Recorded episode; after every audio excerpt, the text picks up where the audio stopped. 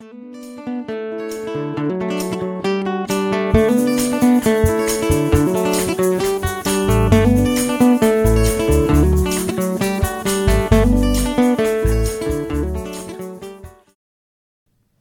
ska man tänka på när man ska välja en försäkring?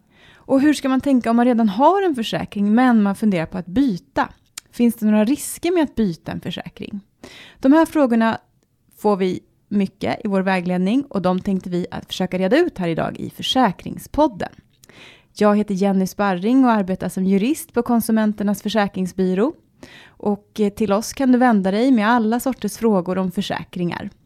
Jag programleder den här serien och med mig i studien har jag alltid några kunniga kollegor.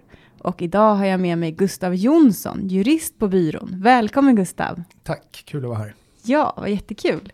Okej, men då har jag lite frågor här om att välja och byta försäkring. Och min första fråga är, vad ska man tänka på när man vill teckna en ny försäkring? Hur väljer man egentligen rätt? Så, såklart är det svårt, men eh, vi brukar väl här säga att det är tre eller möjligen fyra delar som man bör kika på. Och det är innehållet i försäkringen. Det är priset, kundnöjdheten och något som har blivit mer populärt att titta på på senare tid är också hållbarhet. Just det. Okej, och när du säger innehållet, vad, hur, hur ska man, kan man ta hjälp på något sätt när man vill kolla innehållet om man ska välja en försäkring? Eh, det finns ganska mycket hjälp att få på vår webbplats www.konsumenternas.se. Och då kan man säga att för de populära och vanliga eh, typen av försäkring så har vi satt poäng där vi då rang, rangordnar dem och sätter 1 till 5. Så man har ett typ av betyg och det, och det gäller för hem, villa, barn, hund och bilförsäkringar. Ja. Så där får man ett svar på hur bra är försäkringen. Mm. Eh, och är det så att det inte finns en poängjämförelse, vi har mm. ganska många jämförelser, då har vi lagt ut viktiga delar i innehållet, det vill villkoren. Mm. Så man kan jämföra viktigt innehåll mot varandra. Men, ja. men, men, ingen sån här summering, men mm. du, kan, du, kan, ändå gå in och kika. De här jämförelserna är faktiskt jättebra, det ligger ju enormt arbete bakom dem. Så att de är väldigt bra att dra nytta av. Här har vi verkligen gått igenom innehållet i alla villkor och eh, och jämfört, eller i, i de flesta villkor inom olika försäkringar då. Ja, alltså och, vi försöker belysa där mm. det finns viktiga skillnader och mm. sånt som är värt att veta innan man väljer. Ja. Det kan vara om det är något eh, något som sticker ut, om det är liksom det här är något som många försäkringsbolag har, men det här försäkringsbolag har inte det. Då kan man värt att se det. Ja. Och sen så har vi också så att man kan filtrera, så att om man kanske väljer mellan två försäkringsbolag, om man har blivit uppringd av ett försäkringsbolag som vill att man ska byta till dem till exempel, så kanske man undrar, ja men hur är det här i förhållande till det jag redan har? Då kan man ju faktiskt filtrera i våra jämförelser och, och, och jämföra bara just två försäkringsbolag till exempel. Precis, det, det är, en, mm. det är inte en ovanlig situation att man står och väger mellan, ja. ska, ska jag välja det ena eller andra försäkringsbolaget? Då kan man gå in och titta bara för dem på en viss typ av försäkring. Men där måste man också vara medveten om att vi jämför ju inte priserna. Så att de som ligger i topp, det kan ju också vara de dyraste försäkringarna. Det måste man ändå ha med sig när man mm, tittar. Mm. No, nog är det så. Sen, som vi var inne på, där, det innehållet är viktigt och där mm. kan man använda våra jämförelser. Priset är såklart också viktigt. Eh, och där har vi inte direkt några uppgifter om pris. Det finns för vissa försäkringar där det är mer ett standardiserat pris. Men vi har mm. inte en prishämtningsfunktion. Men, men det viktiga här är att man inte eh, stirrar sig blind på priset och, och, tänker att bara går på pris. Därför att även om du har så pass eh, klassiska försäkringar som hemförsäkring och bilförsäkring mm. så då kan man ju tro att ja, men de är lika. Mm. Eller barnförsäkringar. Men, mm. men det är de inte utan det finns skillnader till och med ganska stora skillnader. Så, så det är väl ett budskap, titta inte bara på priset även om det såklart är en viktig faktor. Du nämnde också det här med kundnöjdhet. Kan du berätta lite mer om det? Va, hur ska man tänka där och hur vet man vilka kunder, kunder som är nöjdast? Såklart är det svårt att veta, men, men det finns de som gör mätningar på det här området. Det är SKI eller Svensk kvalitetsindex. Just ja. Och eh, det är för de stora försäkringsbolagen, eller snarare de med hög marknadsandel. Mm. Så är det lite mindre försäkringsbolag, som, eller, eller nystartare eller att de inte har en stor marknadsandel, då finns det inget värde. Mm. Men där det finns ett värde så är det en indikation på hur kundnöjdheten är i det försäkringsbolaget. Okay. Så det är också någonting att titta på. Och skulle det vara så att det inte finns något värde, man kan ju själv testa. Eh, vad står på hemsidan? Förstår man informationen? Om, om man har kontakt med försäkringsbolaget, svarar de? För, för det är väl så att om man inte når fram till försäkringsbolaget, eh, då kan man misstänka att det kanske inte kommer vara en fantastisk skadereglering. Nej, Okej, men det var lite hur man ska tänka då man ska välja. Men så finns det också många nya aktörer på området. Alltså små försäkringsbolag. Man har aldrig hört talas om dem tidigare. Och hur ska man, och de kanske har jättebra priser, det verkar vara jättebra villkor. Hur ska man tänka där? Alltså vågar man byta till ett försäkringsbolag som man aldrig hört talas om tidigare? Helt nya aktörer. Där är ju första frågan, vad är det för en aktör? Och det gäller att reda ut där vem är försäkringsgivare? Vem är det som står bakom försäkringen? Mm. Det kan vara så att, att försäkringen har ett namn men att det är någon annan som står bakom försäkringen och är försäkringsgivare. Och det är den som egentligen är ansvarig. Så du försöker ta reda på vem är försäkringsgivare? Du går in på Finansinspektionens webbplats och kollar, har de tillstånd? Eh, och jag kan säga, ofta är det ju så att, att försäkringsbolag har tillstånd. Mm. Men, men, det är ändå någonting, särskilt om det är något man inte känner igen som är nystartat. Eh, och du kan ju också vara lite mer skeptisk om det är så att du själv blir kontaktad, att du inte mm. hittat försäkringsbolaget själv. Man kan ja. i alla fall vara en viss nivå, extra nivå av skepsis. Ja, i, när man blir uppringd. Fallet. Ja, att ja. vara lite mer försiktig i det läget. Be att få ringa upp, ta och kolla upp lite och fundera på saken. Precis, tacka inte bara ja, Nej. utan ta reda på det här, vem står bakom mm. försäkringen, vem är försäkringsgivare. Men också då, hur bra är produkterna, hur bra är försäkringen? Men du, det tänkte jag fråga, du säger så här, ta reda på vem som är försäkringsgivare, hur gör man det? Det, ta reda, alltså det står på deras webbplats, ja. bör det göra, mm. vem som är försäkringsgivare. Gör inte det så är det ju en mm.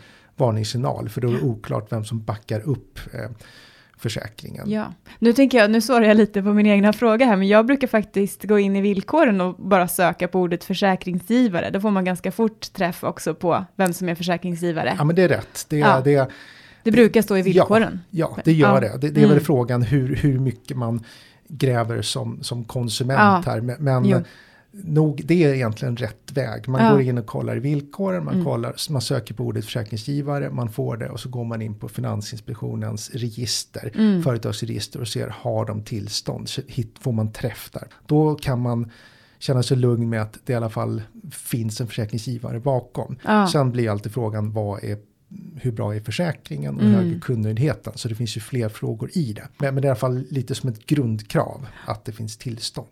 Och om man vill ha ett försäkringsbolag där man har lite personlig kontakt, alltså där man har en handläggare eller där, där det finns någon att komma i kontakt med, då kanske det kan vara bra att testa att ringa till försäkringsbolaget och se om det finns någon som svarar.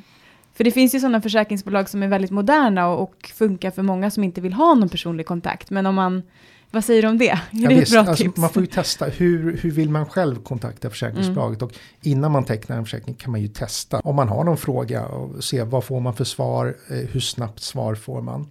Eh, och, och något man kan skicka med också det är det här att när du ska välja en försäkring. Det är inte självklart alltid att det är en försäkring. Mm. För att det är inte varumärkesskyddat att det som säljs bara för att det kallas Just. försäkring är en försäkring. Det kan vara en service eller garanti mm. eller tjänst eller någonting. Mm. Och det är i så fall en risk. Om det skulle mm. visa sig, nej det fanns ingen försäkringsgivare, det var ingen försäkring. Då kan det vara att det mer är ett, i värsta fall ett tomt löfte. För är det en försäkring, en försäkringsgivare, så finns det också någon typ av tillsyn ja. Eh, via Finansinspektionen. Så mm. det är en skillnad.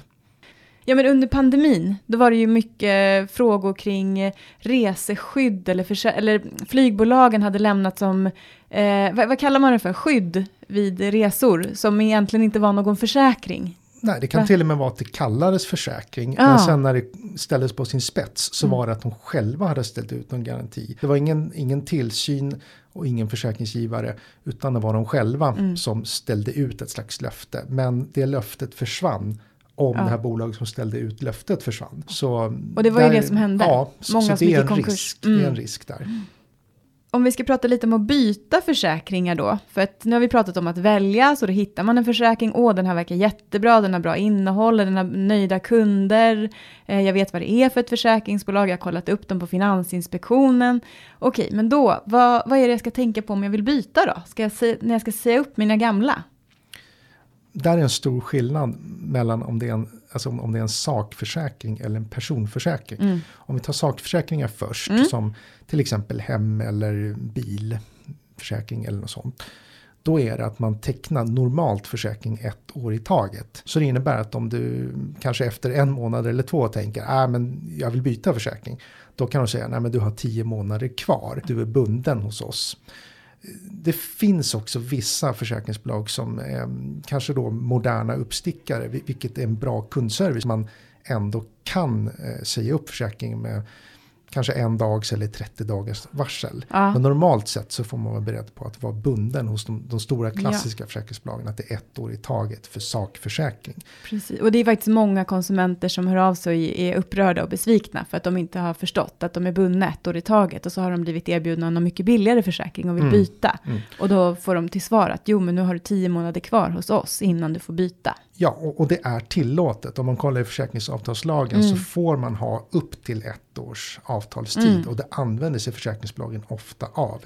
Sen är att det är tillåtet är inte samma sak som att det direkt är kundvänligt. Men det är, det är egentligen inget konstigt. Eller i och för sig, det är klart man som konsument tycker att det är konstigt. Mm. Men, men det är tillåtet ska jag säga. Det har väl blivit en trend att det är särskilt inom hem och bilförsäkringar har kunnat gå att byta med kortare varsel. Men då Ja. är det små uppstickare som har lite andra affärsmodeller just på den. När det kommer till personförsäkringar, där kanske jag kan ta eh, några saker som jag gärna Mm, vill mm. framhålla. För där finns det ju en, en betydligt större risk med att byta försäkring än vad det gör med en sakförsäkring. En personförsäkring kan man säga upp när som helst. Men det man ska tänka på är att det kan innebära stora risker. Och det här gäller samma också med hundförsäkringar och djurförsäkringar. Att byta. Där ska man se upp. Därför att de besvär man har haft innan man byter, de kan man inte ta med sig till nästa försäkring. Och ibland kan det vara så att man inte känner till att man till och med har haft besvär. Man kanske har sökt vård för vissa diffusa symptom. Så byter man försäkring och sen visar det sig att man har någon sjukdom och diagnos. Och då kan man aldrig få ersättning för den i den nya försäkringen. Och där ska man särskilt se upp med barnförsäkringar till exempel som är så pass omfattande.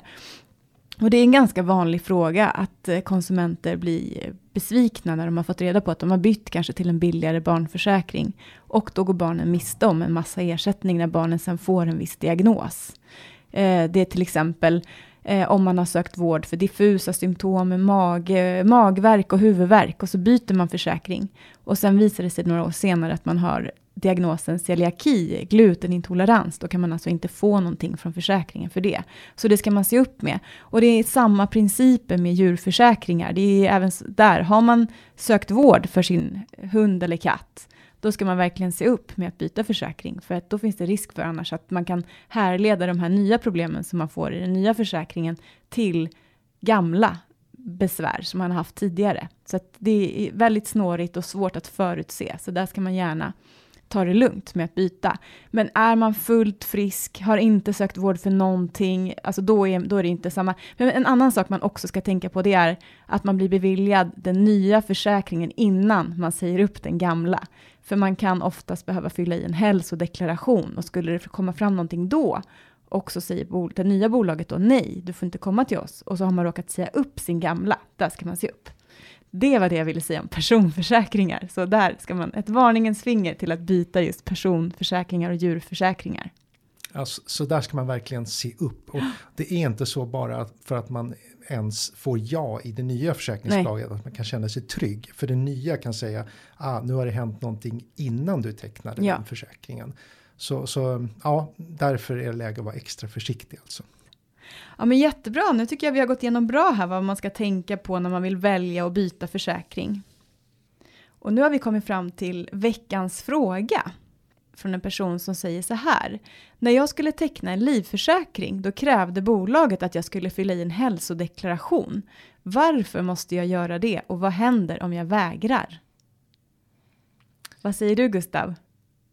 Ja, en hälsodeklaration stöter man på oftast när man ska teckna en försäkring.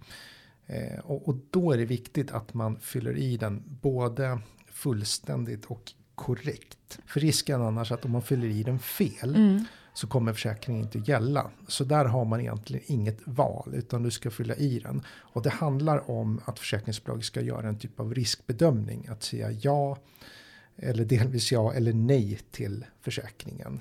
Så det är Mm. uppgifter som de behöver. Och bolaget har ju rätt att ställa ganska mycket frågor. Om man inte svarar, då, då, då kan man inte få teckna försäkringen. Och bolaget har en långtgående rättighet att ställa de här frågorna till sina... Så blir det. Eh, Det kan uppstå lägen där man har fyllt i en hälsodeklaration eh, och sen så kanske det händer något senare att, att det blir nej på försäkringen därför att försäkringsbolaget tyckte att man fyllt i den fel. Mm. Det kan uppstå lägen där frågan är, ja, men var egentligen hälsodeklarationen otydlig? Och sådana kan prövas eh, i allmänna reklamationsnämnden. För det, det ska ju också vara så att man verkligen har fyllt i någonting fel, Mm. att det var tydligt att man gjorde fel. De här, om det är medicinska frågor, då kan ju faktiskt personförsäkringsnämnden också pröva de här Mm, frågorna. mm. Det är ju ja, men relativt nytt att de prövar det, men medicinska det. frågor prövar ju personförsäkringsnämnden. Just det, ja, men det är bra svar där. Okej, men det var allt för den här veckan. Besök gärna vår webbplats konsumenternas.se. Det är en unik faktabank som svarar på de flesta frågor som du kan ha om försäkringar. Och kontakta oss gärna med din fråga per telefon eller mejl och kontaktinformation den hittar du på vår webbplats konsumenternas.se. Tack så mycket Gustav! Tack, tack.